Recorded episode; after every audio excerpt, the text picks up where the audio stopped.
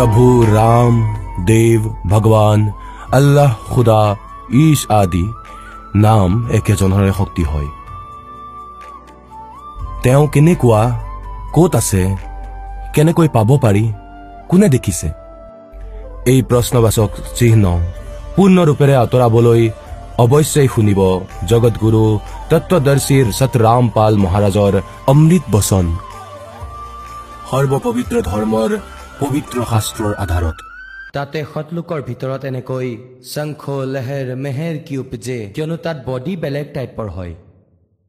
এনেকুৱা শৰীৰ নহয় সতলোকত শৰীৰ এজ ইট ইজ হয় চেহেৰা মুখ এনেকুৱা শৰীৰটো এনেকুৱা হয়। কিন্তু সেই মেটেৰিয়েল এইটো নহয় সেয়া নূৰ এটা তত্ত্বৰে বনোৱা হৈছে। ইয়াত সেই তেজ নাই। মাংস হাড় ছাল নাই। এক পোহৰেৰে বনোৱা আছে। এতিয়া এইটো আধ্যাত্মিক মাৰ্গ হয়। এইটো বুজি পাবলৈ বহুত কঠিন হয় যে পোহৰেৰে কেনেকৈ বনোৱা হয়। এতিয়া যেনেকৈ এইটো শৰীৰ পাঁচটা তত্ত্বৰে বনোৱা হৈছে আৰু কেনেধৰণৰ ৰূপ ইয়াৰ। পাঁচ তত্ত্ব কি কি হয়? পৃথিৱী আকাশ অগ্নি জল বায়ু এই পাঁচটা ইয়াৰ। কিন্তু ইয়াত এই পাঁচটা ক'তো দেখা পোৱা নাযায়। ক'তো দেখা নাযায়। এনেকৈয়ে এক পোহৰেৰে তাত আমাৰ শৰীৰ গঠন কৰা হয়। তাত না কেতিয়াবা বি পি হাই হয় না ল' হয় না কেঞ্চাৰ হয় না কোনো ধৰণৰ আন সাংসাৰিক অশান্তি। তাত কোনো কাম নাথাকে আপোনাৰ। আৰু ইয়াত সময়েই নাই কাৰো। আনকি দেৱতাসকলৰো এক ছেকেণ্ডৰো। সকলোৰে গৃহস্থী সকলোৰে লগত খোৱা বোৱা পেট ভৰোৱা আৰু কাম কৰা। গোটেই জীৱন প্ৰাণী এই শৰীৰৰ পোষণতেই ব্যতীত কৰি দিয়ে। ৰাতিপুৱা উঠে উঠাৰ লগে লগেই চাহ পানী ৰন্ধা বঢ়া আকৌ কামলৈ যোৱা দুপৰীয়া আকৌ খোৱা আকৌ কাম কৰা আকৌ ৰাতি খোৱা আৰু উঠাৰ লগে লগে আকৌ একেই। আজীৱন এইটোকেই কৰি কৰি এই শৰীৰৰ দ্বাৰা কাৰ্য ল'বলৈ আমি আহাৰ খুৱাব লাগে আৰু এই ব্যস্ততাতেই গোটেই জীৱন ব্যৰ্থ হৈ যায়। আৰু তাত সৎলোকলৈ গৈ কোনো কাম নাথাকে। খং দ্বেষ নাথাকে ভাগ বতৰা নাই একেবাৰে সকলো চিৰসেউজী বৃক্ষ হয়। এই ৰাধা স্বামী ধন ধন সদগুৰু। আৰু এই জয়গুৰুপন্থীসকলৰ গুৰুজন তেওঁলোকে ক খও নাজানে। আৰু কয় সৎলোকত প্ৰকাশেই প্ৰকাশ আছে। চেতনতাই চেতনতা আছে। আৰু পৰমাত্মা নিৰাকাৰ হয়। আত্মা পৰমাত্মাত মুক্তিপ্ৰাপ্ত আত্মা পৰমাত্মাত এনেকৈ বিলীন হৈ যায় যেনেকৈ এটা টোপাল সমুদ্ৰত। আৰে ভাল মানুহসকল পৰমাত্মাৰ দৰ্শনৰ বাবে মহাপুৰুষসকলে সমাধি লৈছিলে। পৰমাত্মাৰ দৰ্শনৰ বাবে পৰমেশ্বৰে শ শ বাৰ ক'লে যে পৰমাত্মাৰ দৰ্শন কৰা। अरस कुर्स पर सवेत गुमट है जहाँ सतगुरु का डेरा सवेत मुकुट सिर छतर विराजे और देखत ना उस चेहरे नु যদি তাত পৰমাত্মা নায়েই তেনেহ'লে তাত আমি কি কৰিম তালৈ যোৱাৰ কি আৱশ্যকতা আমাৰ ভগৱানৰ বাবে উত্ৰাৱল হৈ আছো এতিয়া কোনোৱে যদি কয় সেই আশ্ৰমলৈ ব'লা বৰবালাৰ আৰু আকৌ কোনোৱে যদি কয় গুৰুজীটো নায়েই তাত নিৰাকাৰেই নিৰাকাৰ হয় তেন্তে কি কৰিবলৈ আহিব কি পাবনো? এনেকৈ মূৰ্খ সজাই ৰাখিছে আমাক। পৰমাত্মাৰ কাৰণে অপেক্ষা কৰি আছে। তেওঁৰ দৰ্শন কৰিম নিজৰ দুখৰ কথা কম আৰু বুকুৰ মাজত সাৱটিব আৰু এওঁলোকে কয় যে তাত একোৱেই নাই আৰু ৰুচিও যদি হৈ থাকে তেওঁলোকৰ তালৈ যোৱাৰ সীমা পাৰ কৰাৰ কিমান শ্ৰদ্ধালু হয়। আচলতে কথাটো এইটো যে তালৈ কেনেকে যাব কাৰণ সাধনা নাজানেই। গতিকে এই প্ৰকাৰে তেওঁ অজ্ঞান হয় আৰু পৰমাত্মাই যি ক'লে সেয়া বাস্তৱিক জ্ঞান তত্ত্ব জ্ঞান হয় যে তাত চিৰসেউজ বৃক্ষ আছে। বহুত ধুনীয়া গাখীৰৰ সৰোবৰ ভৰি আছে। ইয়াত যি গংগাজল আছে আপোনালোকে দেখিছে চাগে গংগা নদীৰ পানী। এয়া সতলোকৰ পৰা আহিছে। এতিয়া যেনেকৈ ইয়াত আহি পৰে কোনেও দেখা নাপায় যে ক'ৰ পৰা আহিছে। কোনো পাহাৰৰ পৰা নহয়। এয়া ওপৰৰ পৰা পৰমাত্মাৰ ব্যৱস্থা। গুপ্ত ৰূপেৰে ইয়ালৈ আনি প্ৰকট কৰি দি যায়। আজিকালিতো আণ্ডাৰষ্টুড হয় বিজ্ঞানে বহুত কিবা কিবি কৰি দেখুৱাইছে। ইয়াৰ পৰা ফেক্স কৰা হয় মাজত একো নাথাকে। আগলৈ গৈ সম্পূৰ্ণ মেটাৰ আহি যায়। ফিল্মো আগত থাকে আহি যায়। এনেকৈয়ে এয়া সতলোকৰ পৰা আহিছিলে। সকলোতকৈ আগত এয়া ব্ৰহ্মলোকত পৰিছিলে কালৰ লোকত। সকলো ঠাইতে এক জতাকুণ্ডলী এটা ডেম আছিলে।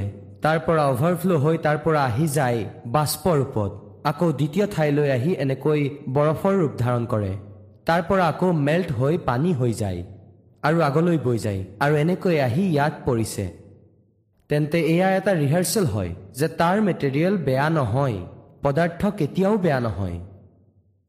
গংগা জলক আপুনি যিমান দিনেই নাৰাখক সেয়া বেয়া নহয় লেতেৰা নহয়। আৰু আপোনাক দ্বিতীয় প্ৰমাণ দেখুৱাই আছো যে আমি এই পৰমেশ্বৰৰ অমৃতবাণীক পাঠ কৰোঁ।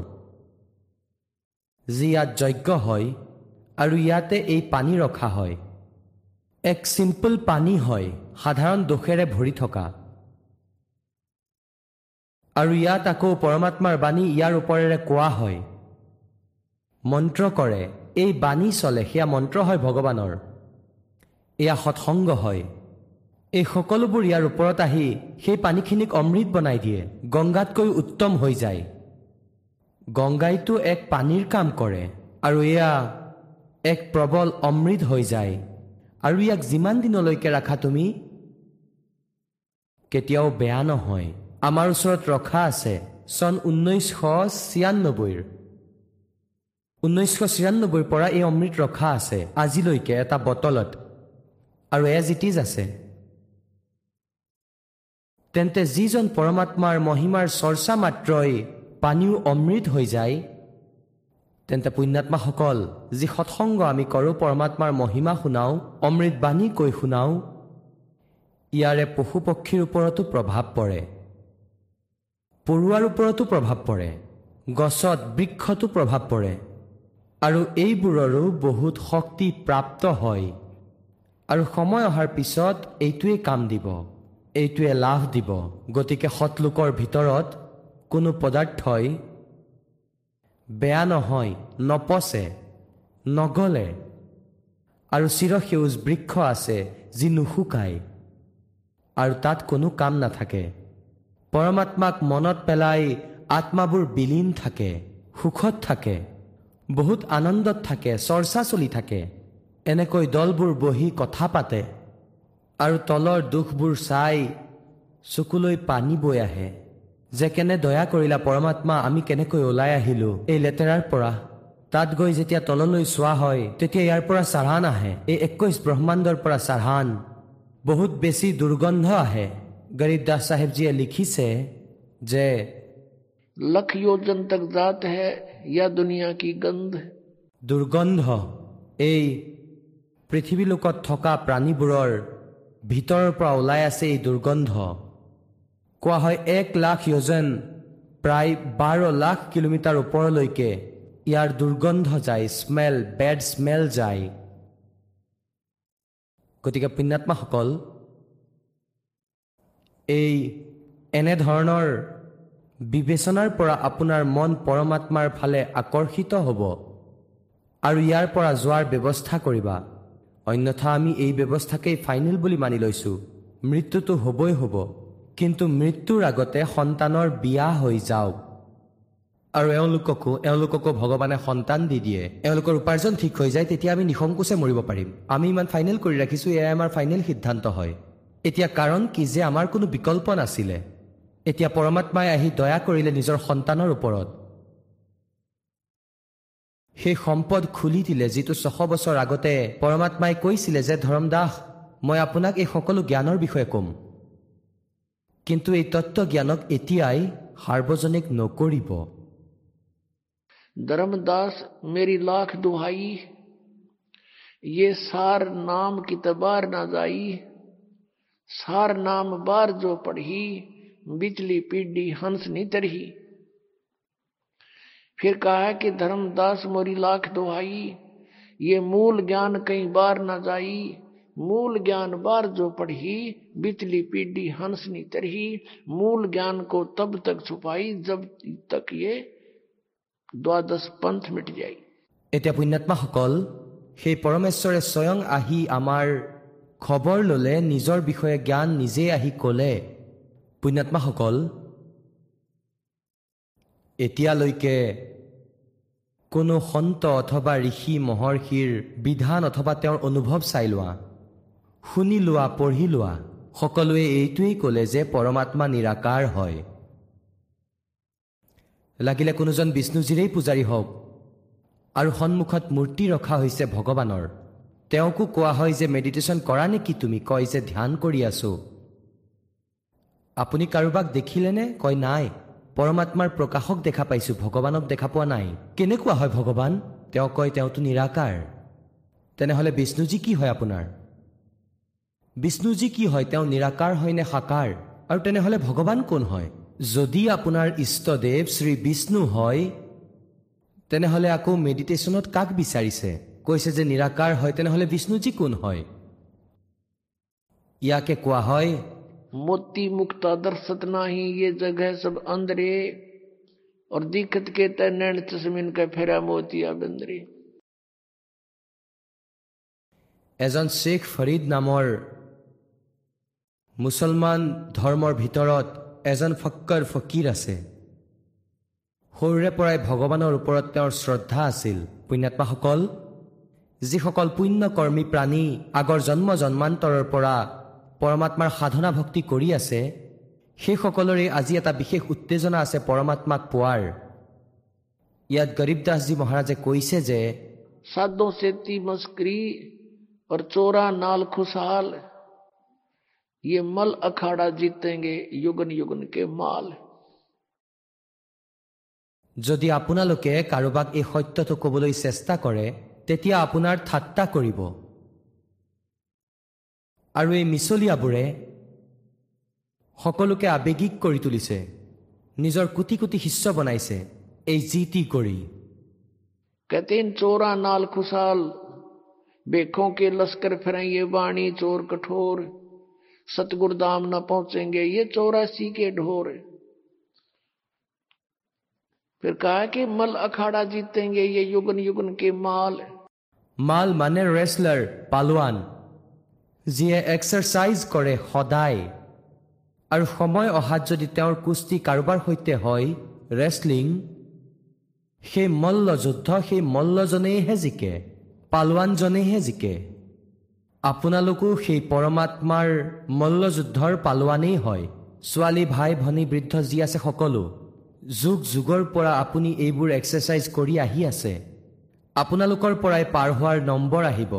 যেনেকৈ শিশু বিদ্যালয়লৈ যায় তেন্তে যিসকল বিদ্যালয়লৈ যায় তেওঁলোকৰ মাজৰ পৰাই পাছ হয়।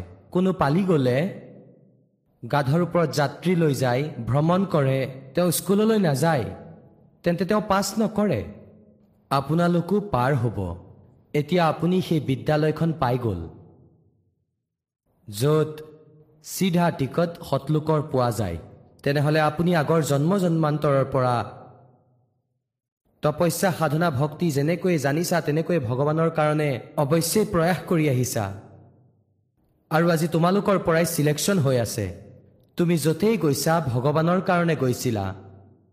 কোনো সন্তৰ শিষ্য হ'লা অথবা কোনো মন্দিৰ মছজিদ গুৰুদ্বাৰাত তুমি গৈ সাধনা কৰিলা কোনো গুহালৈ গ'লা কোনো তপ কৰিলা ব্ৰত কৰিলা পৰমাত্মাৰ কাৰণে প্ৰচেষ্টা কৰি আছিলা।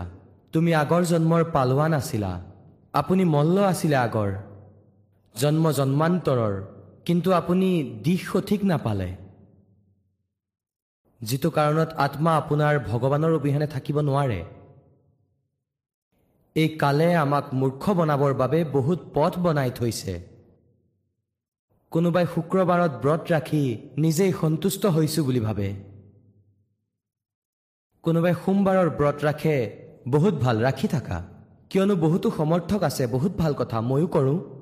কিন্তু এইটো কোনেও নাজানে যে গীতাজীৰ ষোল্ল নং অধ্যায়ৰ তেইছ নম্বৰ শ্লোকত লিখা আছে যে শাস্ত্ৰবিধি ত্যাগ কৰি যিয়ে মনৰ মতে আচৰণ কৰে তেওঁলোকৰ না কোনো গতি হয় না কোনো সুখ প্ৰাপ্ত হয় না কোনো তেওঁলোকৰ সিদ্ধি প্ৰাপ্ত হয়। ইউজলেছ গীতাজীৰ অধ্যায় নম্বৰ ষোল্লৰ শ্লোক নম্বৰ চৌবিছত আকৌ কৈছে যে ইয়াৰ দ্বাৰা তোমাৰ বাবে অৰ্জুন কৰ্তব্য আৰু অকৰ্তব্যৰ ব্যৱস্থাত সদগ্ৰন্থই প্ৰমাণ হয়। নাথিং এলছ কাৰোবাৰ দন্ত কথাত বিশ্বাস নকৰিবা। যি আমাৰ সদগ্ৰন্থত লিখা আছে সেই ৱে অফ ৱৰ্শ্বিপ সঁচা হয় ফাইনেল হয়।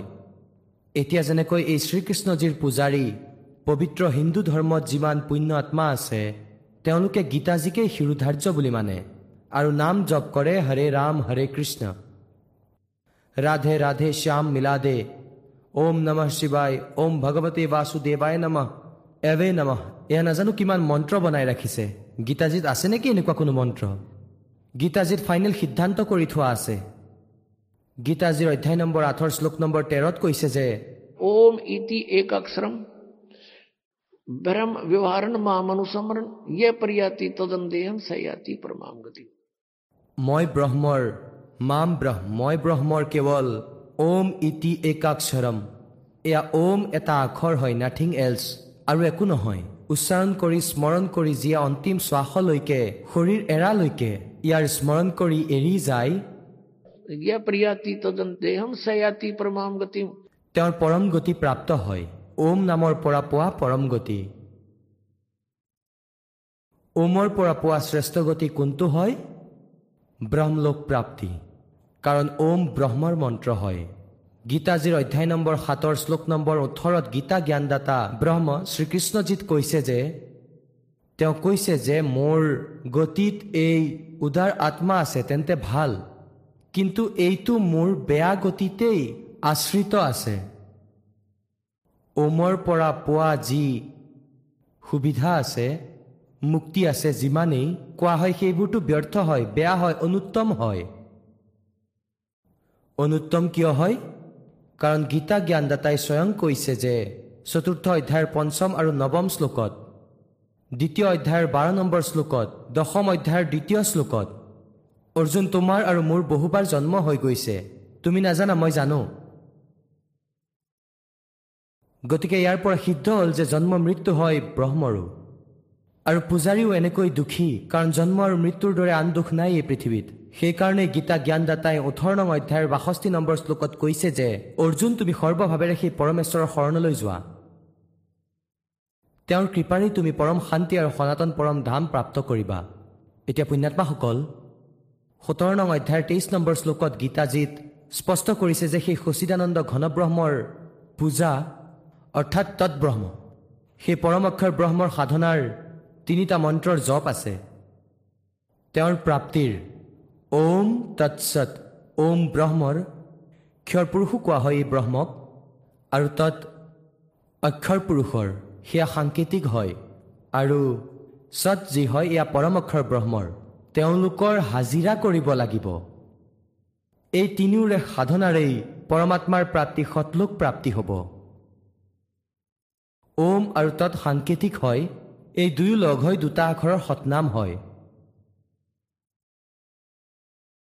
আৰু তৃতীয় সেয়া সাৰ নাম হয় যাক সৎ বুলি কৈছে গীতাজীৰ অধ্যায় নম্বৰ সোতৰ শ্লোক নম্বৰ তেইছত গতিকে কোৱাৰ অৰ্থ এইটোৱেই যে আমি সাধনা কৰাৰ যথেষ্ট চেষ্টা কৰিছোঁ। এতিয়া পঢ়োঁ গীতা আৰু নাম লওঁ হৰে কৃষ্ণ কৃষ্ণ কৃষ্ণ হৰে হৰে ৰাধে ৰাধে। এয়া কেনেধৰণৰ কথা হ'ল?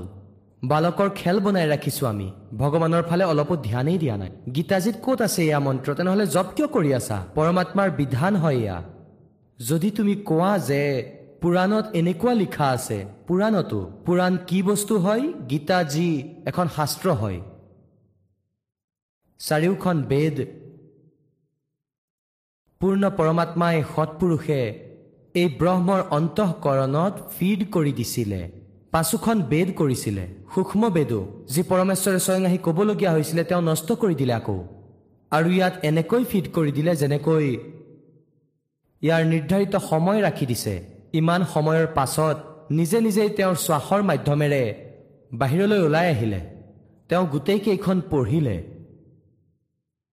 আৰু পঢ়াত দেখিলে যে যিখন পঞ্চম বেদ হয় তাত নিৰ্ণায়ক জ্ঞান আছে কবীৰ ইজ গড। তেওঁ সাকাৰ হয় মনুষ্য সদৃশ হয়। আৰু তেওঁৰ ভক্তিৰ বিধি এয়া হয় তাত সম্পূৰ্ণ কমপ্লিট আছিলে। গতিকে তেওঁ পঞ্চম বেদ নষ্ট কৰি দিলে। চাৰি বেদ য'ত মহিমাটো পৰমাত্মাৰ আছিলে কিন্তু ৱে অফ ৱৰ্শ্বিপ নাছিলে। পূজাৰ বিধি নাছিলে। সেই চাৰি বেদ নিজৰ পুত্ৰ ব্ৰহ্মাক দি দিলে।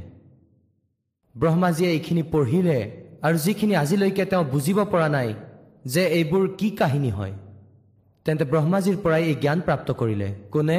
আন ঋষি মুনিসকলে তেন্তে সেই আন ঋষিসকলৰ আৰু লগতে এই ব্ৰহ্মাজীৰ যি জ্ঞান আছে সেয়া পুৰাণ হয়। আৰু বেদৰ জ্ঞান হয় গড গিভেন। গীতা যিখন শ্ৰীমদ ভাগৱত গীতা এয়াও বেদৰ জ্ঞান হয়। ইয়াত অলপমান তেওঁ নিজেই মিক্সাৰ কৰি ৰাখিছে। গীতাজীত ঠায়ে ঠাইত কিছু সংকেত দিছে যে এয়া মোৰ মত হয়। তেওঁৰ মত এৰি বাকী সকলো বেদ জ্ঞান হয়। এতিয়া পুণ্যাত্মাসকল বেদ যি হয় সেয়া পৰমাত্মাৰ বিধান হয় আদেশ হয় সংবিধান হয় আৰু যি পুৰাণ হয় সেই তাত কোনো ঋষি বা ব্ৰহ্মা বিষ্ণু মহেশ্বৰ বা দেৱতাৰ আদেশ আছে তেওঁলোকৰ নিজৰ অনুভৱ। গতিকে আমি গীতাজীৰ বাহিৰে বেদৰ বাহিৰে একোৰেই আদেশৰ পালন কৰিব নালাগে। যদি আমি পৰমাত্মাৰ বিধানৰ বিৰুদ্ধে কাৰোবাৰ আজ্ঞাৰ পালন কৰি সাধনা কৰোঁ তেন্তে সেই শাস্ত্ৰবিধি ত্যাগ কৰি নিজৰ মতে কৰা আচৰণ। পুৰাণ যি হয় এয়াই হেল্প কৰে কেৱল পৰমাত্মাৰ মহিমাক বুজিবৰ বাবে। কিন্তু পৰমাত্মাক পোৱাৰ কাৰণে কেৱল গীতাজী আৰু বেদেই বিধান হয়। আৰু পঞ্চম বেদ যি পৰমাত্মাই স্বয়ং আহি কৈছে যাক সচিদানন্দ ঘন ব্ৰহ্মৰ বাণী বুলি কোৱা হয় কবিৰ বাণী। তাত সকলোখিনি জ্ঞান আছে ইনক্লুডিং চাৰি বেদ আৰু লগতে গীতা পুৰাণ সকলো তাতে ইনক্লুড আছে। এজন ব্যক্তি আছিলে তেওঁৰ এজন মিত্ৰ আছিলে এছ এইচ অ' তেওঁ নিজৰ মিত্ৰক ক'লে যে মোৰ যিজন চুবুৰীয়া আছিলে কাষৰ ঘৰৰ তেওঁ মোক অশান্তি দি আছে। কোনো কথাই নুশুনে মই কি কৰিম? তেতিয়া এছ এইচ অ'য়ে ক'লে যে তাক কোবাই দে মই চাই ল'ম। আগৰ সময়ত এনেকুৱা আছিলে। এতিয়া তেওঁ নিজৰ মিত্ৰ সেই দাৰোগাৰ আদেশ পালন কৰি নিজৰ চুবুৰীয়াৰ লগত কাজিয়া কৰাৰ সিদ্ধান্ত ল'লে। মাৰপিট লাগিল।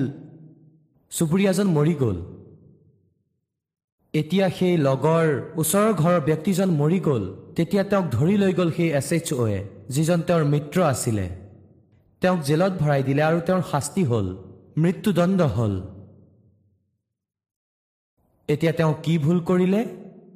যে ৰজাৰ বিধান আছে কোনো ব্যক্তিয়ে কাৰোবাক হত্যা কৰিলে তেওঁক মৃত্যুদণ্ডৰ শাস্তি দিয়া হ'ব। সেই ব্যক্তিয়ে এজন অধিকাৰীৰ আজ্ঞা পালন কৰি চুবুৰীয়াজনক মাৰি কোবাই হত্যা কৰি পেলালে। ৰজাৰ বিধান ভাঙি দিলে। আৰু ৰজাৰ বিধান অনুসৰি তেওঁৰ মৃত্যুদণ্ডৰ শাস্তি হ'ল। সেই অধিকাৰীয়ে একো কৰিব নোৱাৰিলে। তেন্তে পুণ্যাত্মাসকল আমি এনেকৈ বুজিব লাগিব যে বেদ আৰু গীতা সেয়া পৰমাত্মাৰ বিধান বাৰ্তা হয়।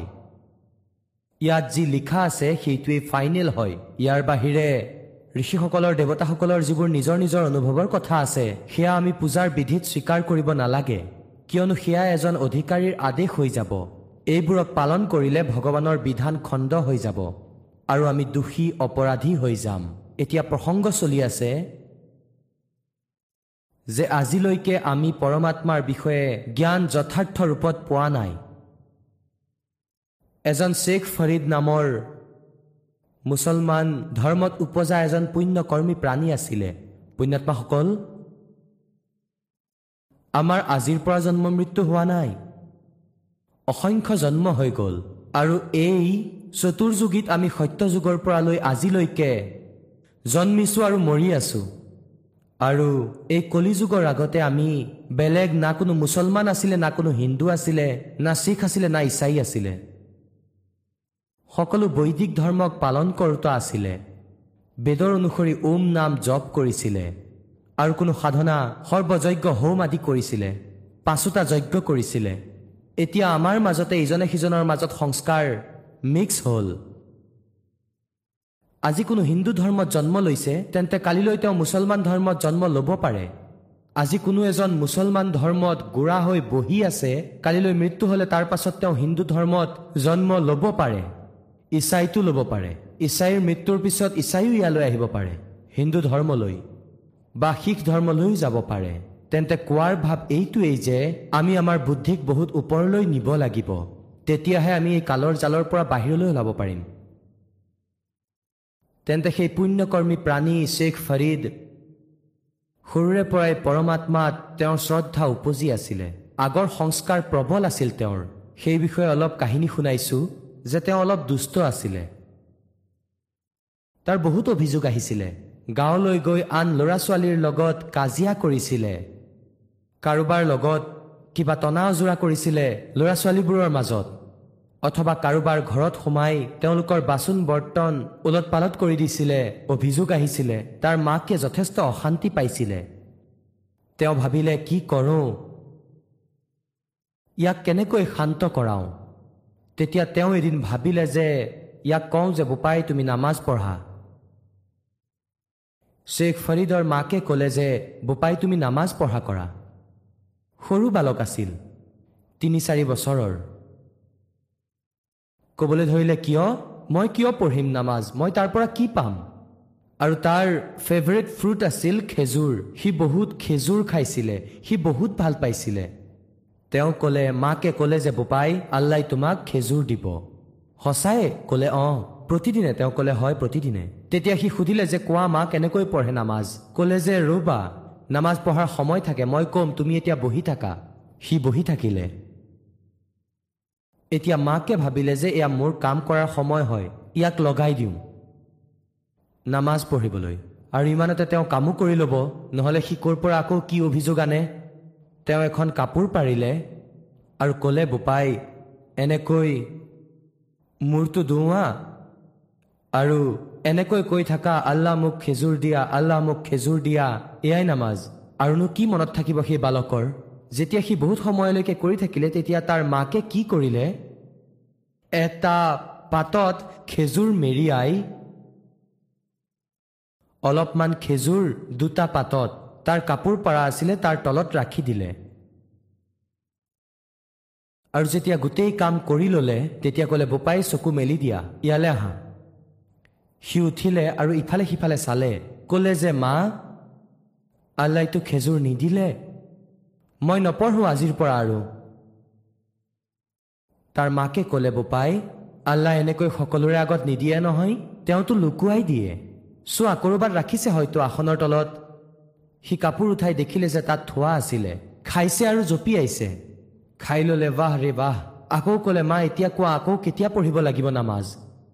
এদিন কি হ'ল যে মাকে এনেকৈ তাক প্ৰতিদিনে বহাই দিয়ে আৰু সি এনেকৈ একেবাৰে দৃঢ় হৈ দুই দুই তিনি তিনি ঘণ্টা তাৰ পৰা নুঠেই। এদিন তাৰ মাকে সেই খেজুৰ ৰাখিব পাহৰি গ'ল। আৰু তেওঁ ক'লে যে আহা বোপাই সি উঠিলে।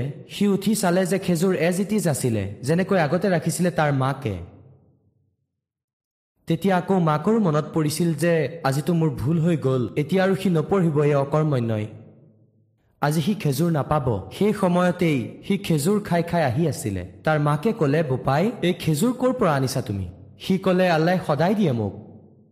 তেওঁ ক'লে ক'ত আছিলে সেই খেজুৰ? সি ক'লে তাতেই য'ত আগতে ৰাখিছিলে। আহা দেখুৱাওঁ। এটা পাত তাতেই থৈ আহিছো তলৰটো। এতিয়া গৈ চালে সঁচায়ে খেজুৰ তাতেই আছিলে। তাৰ মাকটো আচৰিত হৈ গ'ল। হে পৰমাত্মা ভাল শুনিলা। নহ'লে আজিৰ পিছততো সি কেতিয়াও নপঢ়িলে হয় নামাজ। কোৱাৰ অৰ্থ এয়াই যে আগৰ সংস্কাৰী হংস আছিলে পৰমাত্মালৈ আস্থা বঢ়াব আছিলে তাৰ মাকৰো পিছত ইচ্ছা জাগৃত হ'ল তেওঁতো কেৱল নকলি কাম কৰি আছিলে। সেইদিনৰ পৰা তেওঁ মাকৰো দৃঢ় বিশ্বাস হ'ল যে ভগৱান আছে আল্লাহ আছে ক'ৰবাত। যেতিয়া সি ডাঙৰ হ'ল ঘৰ ত্যাগ কৰিলে। কাৰণ ৰখিব নোৱাৰে সেই প্ৰাণী যিয়ে ভগৱানক বিচাৰে। এতিয়া যিবোৰ পৰম্পৰাগত তেওঁৰ ক্ৰিয়া আছিলে মাংস খোৱা সেইবোৰ ভাল নাপাইছিল সেই মৰমীয়াল আত্মাই। তেওঁ এৰি দিলে যে এইবোৰ কথা ভাল লগা নাই। হিংসা কৰি কি ভগৱানক পাব পাৰি নেকি? এতিয়া সেই শ্বেখ ফৰিদ পুণ্যাত্মা পৰমাত্মাক বিচাৰি কলৈ যায়? সন্তৰ ওচৰত। যে সন্তৰ ওচৰত পৰমাত্মাক পোৱাৰ বিধি আছে। এজন ফক্কৰ ফকীৰ আছিলে। সিদ্ধ পুৰুষ আছিলে। সাধনা কৰিছিলে। সিদ্ধিত প্ৰসিদ্ধ আছিলে। তেওঁৰ ওচৰলৈ গ'ল। তেওঁৰ লগত কথা পাতিলে। তেওঁ যি সাধনা জানিছিলে সেয়া কৈ দিলে। পুত্ৰ কঠিনৰ পৰা কঠিন তপ কৰা। যিমান কষ্ট দিবা শৰীৰক সিমান ভগৱানৰ ওচৰলৈ যাবা। এতিয়া শ্বেখ ফৰিদটো গৈছিলে ভগৱানক পাবলৈ। দিনে ৰাতিয়ে বহুত কষ্ট কৰিলে। যিবোৰেই গুৰুজীয়ে আদেশ দিছিলে পালন কৰিলে। এতিয়া শ্বেখ ফৰিদ গৈছিল কি কাৰণত পৰমাত্মাক পাবলৈ?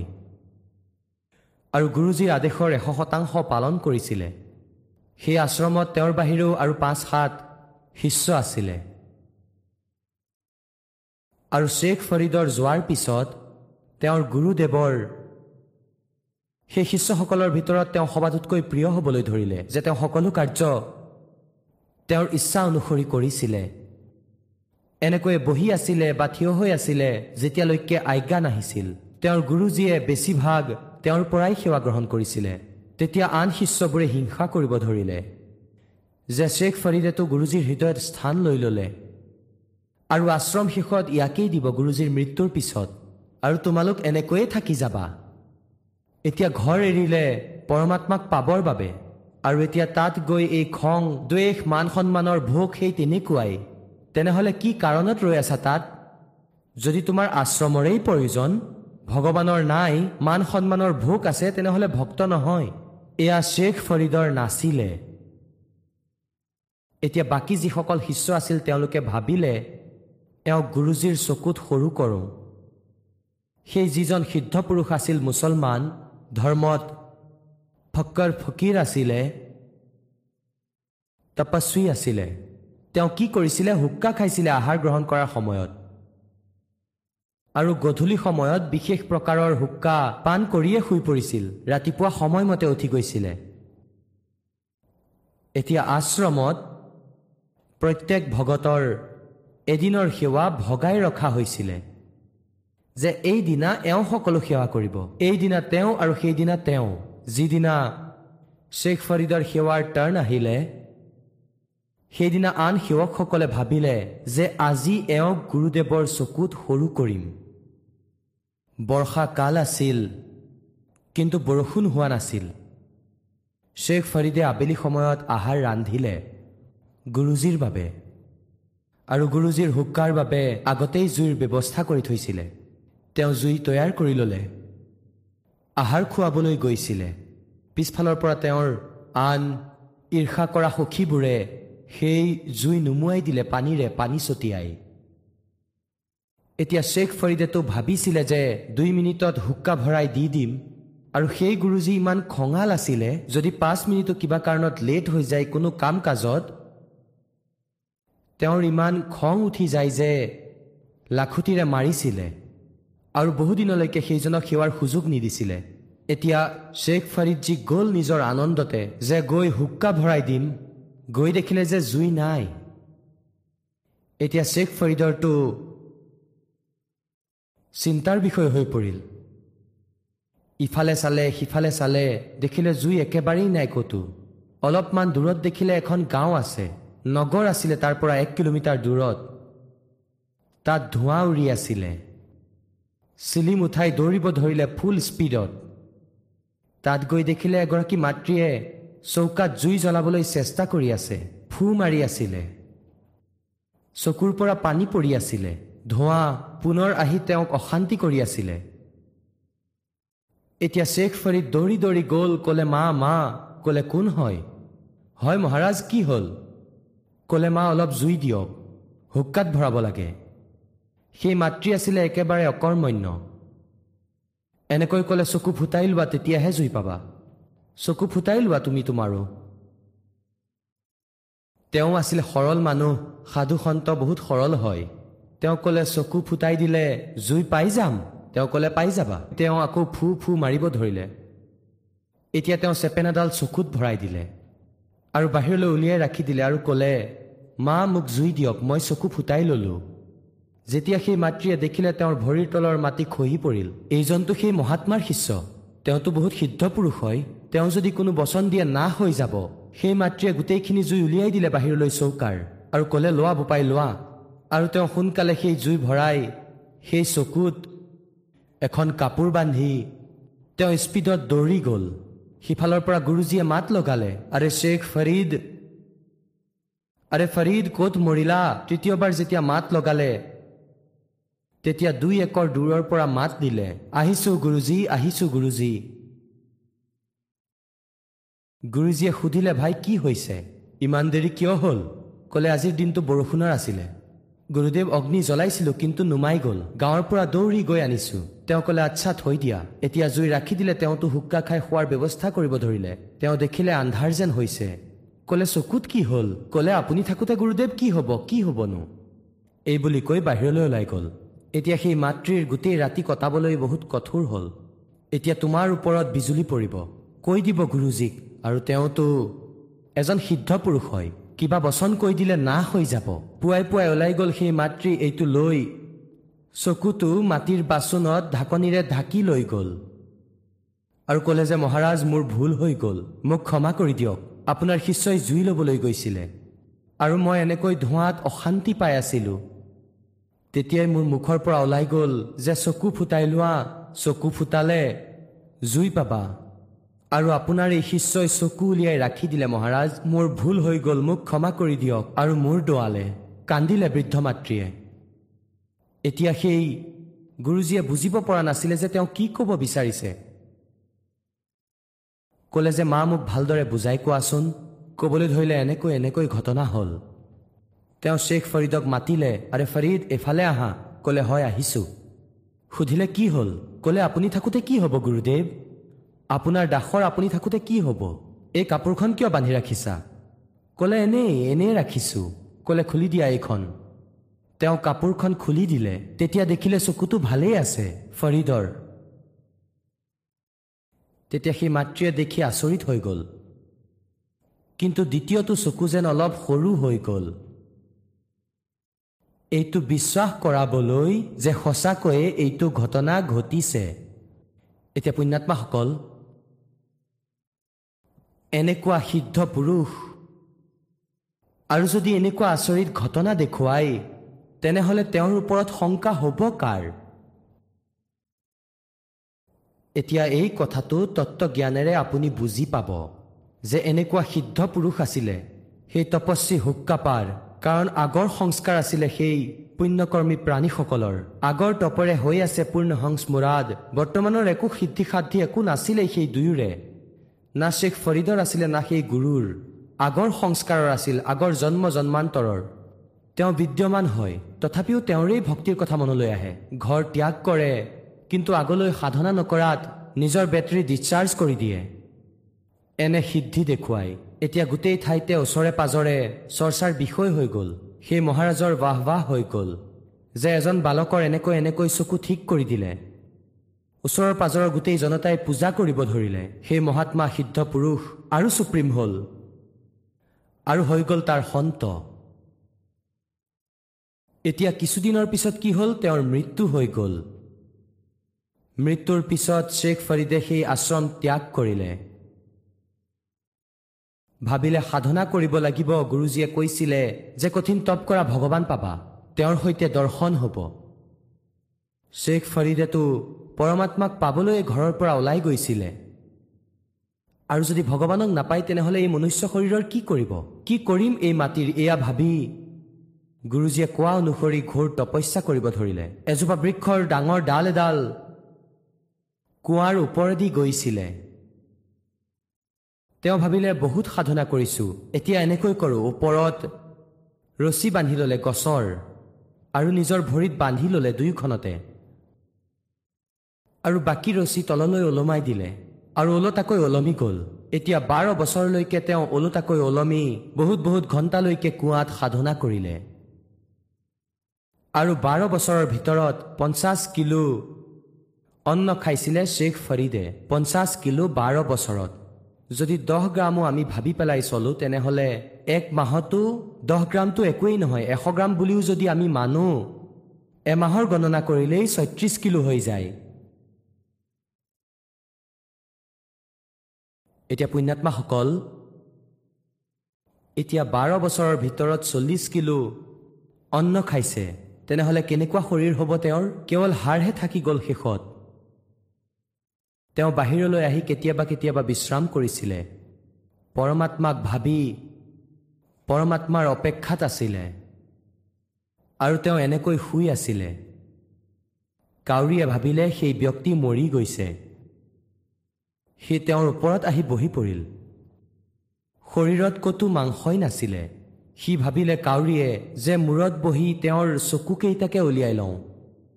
তেতিয়া অলপমান তেওঁৰ মুখ খুলিলে। ক'লে যে ভাই কাউৰী মোৰ শৰীৰত যদি ক'ৰবাত মাংস আছে সেই মাংস খাই লোৱা। মোৰ চকুকেইটা নুচুবা। এইকেইটাক ডিষ্টাৰ্ব নকৰিবা। মই আল্লাৰ দৰ্শনৰ আশাত আছোঁ। মই ভগৱানক চাব বিচাৰোঁ মোৰ চকুকেইটা এৰি দিয়া। বাকী ক'ৰবাত যদি কিবা পোৱা খাই লোৱা। তেওঁ মুছলমান আছিলে আৰু যিজনে মাংস খায় ছাগলী কাটে গৰু কাটে তেওঁ পৰমাত্মাক পাই যাব। তেন্তে তেওঁ ইমান দয়ালু। কাউৰীক কয় যে মোৰ মাংস খোৱা ক'ৰবাত পোৱা যদি কিন্তু মোৰ চকুকেইটা নুচুবা। চকুকেইটাক ডিষ্টাৰ্ব নিদিবা। মই আল্লাৰ দৰ্শনৰ আশা কৰি আছোঁ। এতিয়া তেওঁ ভাবিলে যদি বাহিৰত ওলাই থাকোঁ তেনেহ'লে কাউৰীয়ে খাব। চকুকেইটাও ফুটাই দিব ভগৱানকো নাপালোঁ। ওলোটাকৈ ওলমি পৰিল। লাহে লাহে চুচৰি গৈ সেই ৰছীডালেৰে। অভ্যাসটো আছিলেই। আৰু উচুপি উচুপি কান্দিব ধৰিলে। আল্লাৰ দৰ্শন নহ'ল। আৰু এতিয়া শৰীৰো নাথাকিল। সকলো শেষ। এতিয়া প্ৰাণ যাবই আৰু। উচুপি উচুপি কান্দিব ধৰিলে। এতিয়া কি কৰিলে পৰমাত্মাই কয় যে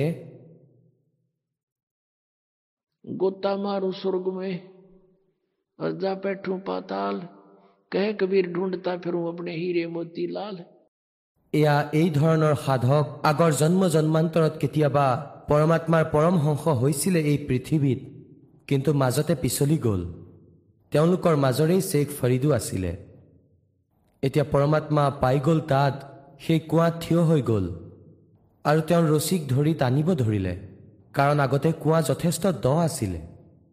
ৰছী দীঘল দীঘল আছিলে এনেকৈ টানিব ধৰিলে বাহিৰলৈ। শ্বেখ ফৰিদে ভাবিলে কোনো দুষ্ট আহিছে চাগে কোনো পালি। আৰু মোক ডিষ্টাৰ্ব কৰি আছে। আগতেও এনেকুৱা গৰখীয়া যিবোৰ আছিলে গৰু ছাগলী চৰাই ফুৰাসকল যি মূৰ্খৰ দৰে ব্যক্তি তেওঁলোকৰ মাজৰে কোনোবা নহয় কোনোবাই সেই বাবাজী সেই সন্তৰ ৰছীক ধৰি এনেকৈ লৰাই দিছিল। আৰু এনেকৈ বহি চাইছিলে সেই খেল আৰু তেওঁ কি কৰিছিলে এনেকৈ মূৰত ধৰি এনেকৈ কৰি লৈছিলে যাতে দুখ নাপায়। আৰু কেতিয়াবা কুঁৱাৰ ইফালে গৈ লাগিছিল কেতিয়াবা সিফালে। সিহঁতে কিছু সময় টনা আজোৰা কৰি গুচি গৈছিলে। গম পাইছিলে যে কাৰ কাৰ লগত যুদ্ধ কৰিম। সৰু ল'ৰা ছোৱালী কৰিবই। সিহঁতৰ মাজৰে কোনোবাই এনেকৈ ধমক দিছিলে যে এনেকৈ নকৰিবা সন্তৰ লগত। তেতিয়া বহুদিনলৈকে কোনো নাহিছিল। এতিয়া শ্বেখ ফৰিদে ভাবিলে যে আগতেতো এনেকৈ লৰাই পেলাই এৰি থৈ যায়। আজি এই কোন নিষ্কৰ্মাটো আহিলে মোক বাহিৰলৈ উলিয়াব বিচাৰিছে? এনেকৈ বাহিৰলৈ উলিয়াই থাকোঁতে তেওঁ ওলোটাকৈ ওলমি থাকিয়ে কৈছিলে হে ভাই মোক এৰি দিয়া। মোক ডিষ্টাৰ্ব নকৰিবা। মই মোৰ কাম কৰি আছো। তুমি নিজৰ কাম কৰা। পৰমাত্মাই ক'লে যে তুমি কি কৰি আছা ইয়াত? হে ভাই মই ভগৱানৰ দৰ্শনৰ বাবে পৰমাত্মাক চাবলৈ পৰমাত্মাক পাবলৈ মই সাধনা কৰি আছো। তেতিয়া পৰমেশ্বৰ কবীৰ দেৱজীয়ে ক'লে যে মই আল্লাহ আকবৰ। এতিয়া এই কথা শুনি শ্বেখ ফৰিদৰ কপাল কোচ খালে। ক'বলৈ ধৰিলে ভাই ধেমালি নকৰিবা।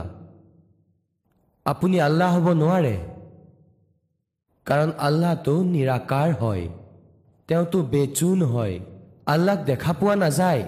এতিয়া পৰমাত্মাই ক'ব ধৰিলে হে ভাল মানুহ তেনেহ'লে তুমি কিয় ওলমি আছা?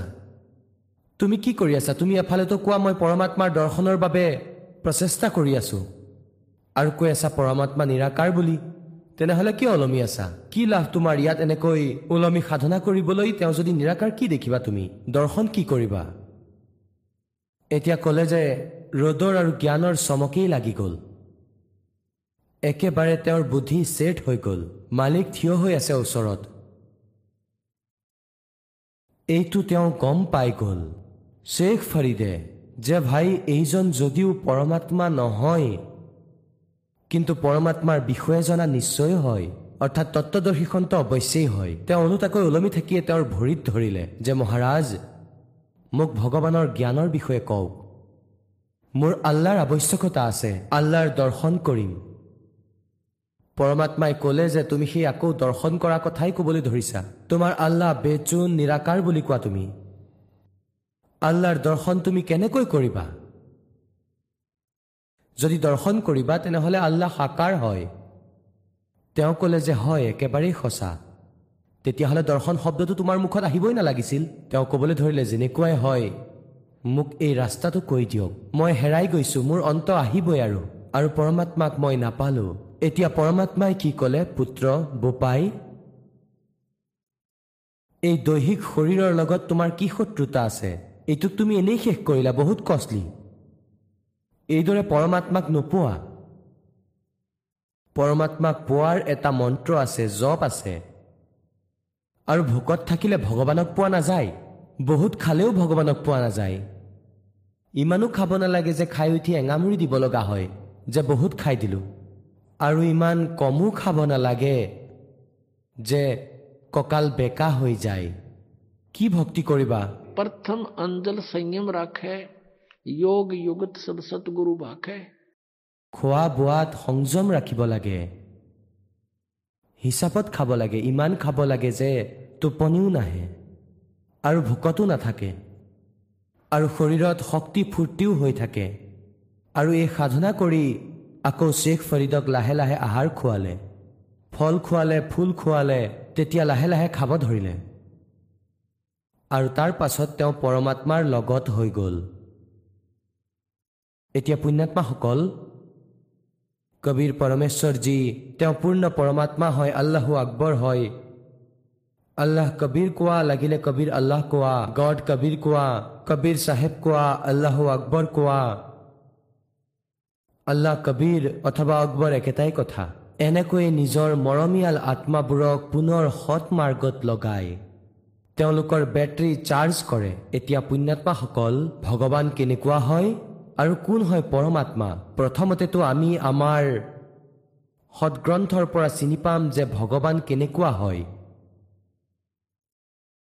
যেনেকৈ পবিত্ৰ হিন্দু ধৰ্মত চাৰিখন বেদক অথেণ্টিক মানে। যে বেদত যি লিখা আছে সেয়া ফাইনেল কিন্তু বেদ বেদৰ যিবোৰ লিখনি আছে মূল পাঠ সংস্কৃত ভাষাত আছে। এতিয়া পুণ্যাত্মাসকল জ্ঞান যি হয় জ্ঞান সেয়া যিকোনো ভাষাতেই নাথাকক কিয় জ্ঞান জ্ঞানেই হয়। যেনেকৈ আমি আমাৰ হাৰিয়ানী ভাষাত কৈ দিছোঁ সেই কথা আৰু লাগিলে যিটো ভাষাৰে ক'লে সকলোৱে বুজি পাব সেইটো ভাষা তাতেই কোৱা জ্ঞান শ্ৰেষ্ঠ হয়। যথাৰ্থ হয় কেৱল বুজাটো আৱশ্যক হয়। এতিয়া এটা ভাষাক জানি ল'লেই বিদ্যান হৈ যাব নোৱাৰে যেনেকৈ সংস্কৃত ভাষাক জানিছিলে ব্ৰাহ্মণ বৰ্গই। আৰু এওঁলোকৰেই প্ৰথমে সত্যযুগ ত্ৰেতা দ্বাপৰলৈকে এওঁলোকৰেই শিক্ষা গ্ৰহণৰ আদেশ আছিলে। দ্বিতীয় বৰ্গৰ বৰ্ণৰ নাছিলে। পৰমাত্মা চাৰিও যুগতে আহিছে। সত্যযুগত সৎসুকৃত নামেৰে আহিছিলে। তেতিয়া মনুৰ দৰে ঋষিসকলক লগ কৰিলে ব্ৰহ্মাক লগ কৰিলে বিষ্ণুক লগ কৰিলে শিৱজীক লগ কৰিলে। তেওঁলোকক যথাৰ্থ জ্ঞান বুজালে তেওঁলোকে মনোযোগেৰে শুনিলে কিন্তু পিছত কালে তেওঁলোকৰ বুদ্ধিক পৰিৱৰ্তন কৰি দিলে। যে এওঁ মিছা কৈ আছে এনেকুৱা একো নহয়। তেতিয়া তিনিওজনে মানা কৰি দিলে ভগৱানৰ বাণীক স্বীকাৰ নকৰিলে। মনুজীয়েও পৰমাত্মাৰ নাম নষ্ট কৰি দিলে যে তেওঁ বাম দেৱ হয়। বাম মানে ওলোটা ওলোটা অৰ্থ কৰাজন কাৰণ কবিৰ পৰমেশ্বৰে কৈছিলে যে মই পৰমাত্মা হওঁ। আৰু এই কথাটো লৈয়ে বহুতো ঠাট্টা কৰা হৈছিলে যে তেওঁ ভগৱান হয়। তেওঁ নিজকে ব্ৰহ্মা বিষ্ণু মহেশ্বৰতকৈ ওপৰৰ মানে মেণ্টেল হয় মেণ্টেল তেওঁলোকে কৈছিলে যে ভগৱানটো নিৰাকাৰ হয় প্ৰকাশেই প্ৰকাশ আছে। পৰমাত্মাই কৈছিলে যে ওপৰতো ময়েই আছো তলতো ময়েই আছো। দুয়ো ঠাইতেই ময়েই আছো। আৰু তেওঁৰ নাম বামদেৱ বুলি ৰাখি ললে বামদেৱ। বাম মানে ওলোটা ওলোটা মগজুৰ। বামদেৱ ওলোটা মগজুৰ ভগৱান। নামানিলে কোৱাৰ অৰ্থ এইটোৱেই যে কোনেও নামানিলে পৰমাত্মাক পৰমাত্মা বুলি। ত্ৰেতা যুগত মুনীন্দ্ৰ নামেৰে আহিছিলে আৰু দ্বাপৰত কৰুণাময় নামেৰে আহিছিলে। যি সুপত সুদৰ্শনৰ গুৰুজী হৈছিলে আৰু ত্ৰেতা যুগত আহিছিলে যেতিয়া মন্দুদৰী আৰু নল নীল আৰু লংকাৰ ভিতৰত যি এজন চন্দ্ৰ বিজয় ভাট আছিলে তাৰ ষোল্ল সদস্যই নাম লৈছিলে। আৰু এনেকুৱা কিছু ভাল আত্মায়ো পৰমাত্মাৰ শৰণ গ্ৰহণ কৰিছিলে। এতিয়া কলিযুগৰ ভিতৰত সেই পৰমাত্মা আহিলে আৰু নিজৰ যথাৰ্থ জ্ঞান স্বয়ঙেই কৈছিলে পৰমাত্মাই প্ৰত্যেক যুগত আহি। এতিয়া যিজন পৰমেশ্বৰ আহিছিলে ছশ বছৰ আগতে বাৰাণসীত সেই সময়তো পৰমেশ্বৰে এইটোৱে কৈছিলে যে তোমালোকে যিসকল ভগৱানৰ পূজা কৰা তেওঁলোকৰ পূজাৰ বিধান বেদত নাই। আৰু ব্ৰহ্মা বিষ্ণু মহেশ্বৰক তোমালোকে অজৰমৰ বুলি ভাবা। তেওঁলোক অজৰমৰ নহয় তেওঁলোকৰ জন্ম মৃত্যু হয়। तीन देव की जो करते भक्ति उनकी कदे ना होवे मुक्ति এই তিনিওজন দেৱতাৰ ছশ বছৰ আগতে পৰমাত্মাই কৈছিলে যে দুৰ্গা এওঁলোকৰ মাতৃ হয় আৰু কাল এওঁলোকৰ পিতৃ কিন্তু সেই সময়ত এই ব্ৰাহ্মণ বৰ্গৰ যিসকল গুৰুপদত বিৰাজমান আছিলে যিসকল ব্যক্তি তেওঁলোকে পৰমাত্মাৰ ঘোৰ বিৰোধিতা কৰিছিলে আৰু জনতাৰ হতুৱাই কৰাইছিলে আৰু ক'লে যে কবিৰটো অশিক্ষিত হয় এওঁ কি জানিব সংস্কৃত ভাষাত এওঁতো শিপিনী হয় ধানক হয় আমি ব্ৰাহ্মণ হয় আমি সংস্কৃত পঢ়িছো এনেকুৱা একো লিখা নাই এই পুৰাণত। এওঁলোক সৰ্বেশ্বৰ হয় মহেশ্বৰ হয় এওঁলোকৰ মাতা পিতা নাই এওঁলোক মৃত্যুঞ্জয় হয় কালঞ্জয় হয়। আজিলৈকে আমাক মূৰ্খ বনাই আছিলে এই সংস্কৃত ভাষা জানাসকলে। পৰমাত্মাই ছশ বছৰ আগতে লিখিছিলে যে এওঁলোকৰ জন্ম মৃত্যু হয় এওঁলোকৰ মাতা পিতা আছে। এতিয়া প্ৰথমতেতো পৰমাত্মাৰ সেই সূক্ষ্ম বেদত দেখুৱাইছো আপোনালোকক। যে পৰমাত্মাই ছশ বছৰ আগতে ব্ৰহ্মা বিষ্ণু মহেশ্বৰৰ বিষয়ে কি টিপ্পনী কৰিছিলে আৰু আজি আকৌ সেই পুৰাণত একেই পোৱা যায় আমি শিক্ষিত হৈ গৈছো বুজি পোৱাৰ যোগ্য হৈছো।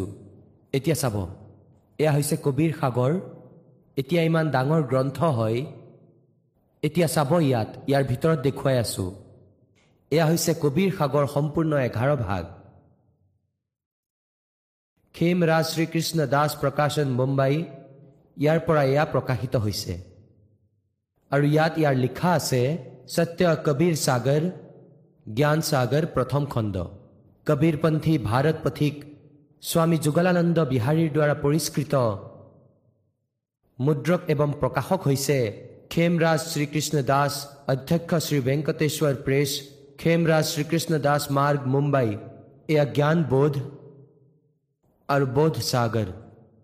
এই চেপ্টাৰ অধ্যায় হয় এয়া এই কবিৰ সাগৰত এইখন সূক্ষ্মবেদ হয় আৰু ইয়াৰ একৈশ পৃষ্ঠাত এয়া চাব धर्मदास ये जग बोरा न कोई न जाने पद निर्वाण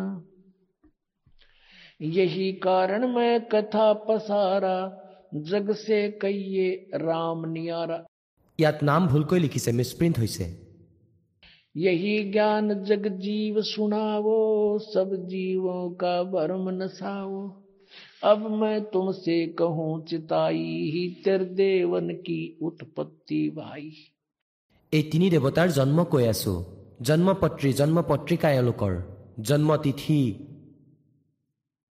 कुछ संक्षेप कहूँ गहुराई सब संशय तुमरे मिट जाई भरम गए जग वेद पुराना आदि राम का वेद न जाना आदि राम है ये।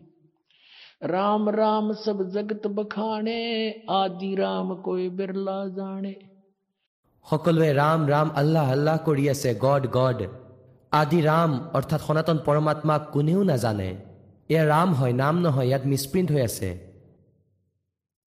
ज्ञानी सुने सो हृदय लगाई मूर्ख सुने तो गम न पाई এতিয়া ব্ৰহ্মা বিষ্ণু মহেশ্বৰৰ এওঁ তিনিওজনৰে মাতা পিতাৰ বিষয়ে কওঁ माँ अष्टंगी पिता निरंजन ये जमदारुण वंशन अंजन पहले कीन निरंजन राई पीछे से माया उपजाई माया रूप देख अति शोभा देव निरंजन तन मन लोभा काम देव धर्मराय सताए देवी को तुरंत दर खाए पेट से देवी करी पुकारी हे साहेब में मोह करो उबारी टेर सुनी सतगुरु तय आए अष्टंगी के बंद छुड़वाए धर्मराय को हिकमत कीना नख रेखा से भग कर लीना धर्मराय करे भोग विलासा माया को रही तब आशा এয়া ধৰ্মৰাই কালকো কোৱা হয় এই কাল জ্যোতিস্বৰূপী নিৰঞ্জন কাল অথবা ব্ৰহ্ম কোৱা এওঁ দুৰ্গাৰ স্বামী হয় আৰু এই ব্ৰহ্মা বিষ্ণু মহেশ্বৰ এই দুয়োৰে সহযোগত উৎপন্ন হৈছিলে পৰমাত্মাই কৈ আছে तीन पुत्र अष्टंगी जाए ब्रह्मा विष्णु शिव नाम धराए होय होय तीन देव विस्तार चलावे इनमें यो जग धोखा खावे पुरुष गम कैसे कोई पावे काल निरंजन जग भरमावे तीन लोक अपने सुत दीन्या सुन निरंजन बासालीन्या তিনি নিজৰ পুত্ৰক তিনি লোক পৃথিৱীলোক স্বৰ্গলোক আৰু পাতাল লোক দি স্বয়ং তেওঁ গুপ্ত হৈ থাকে। একৈছ নম্বৰ নিজৰ ব্ৰহ্মাণ্ডৰ ওপৰত কোনো পাৰত চুন মানে ওপৰৰ ভেকম প্লেচত অৰ্থাৎ বেলেগ স্থান বনাই থাকে।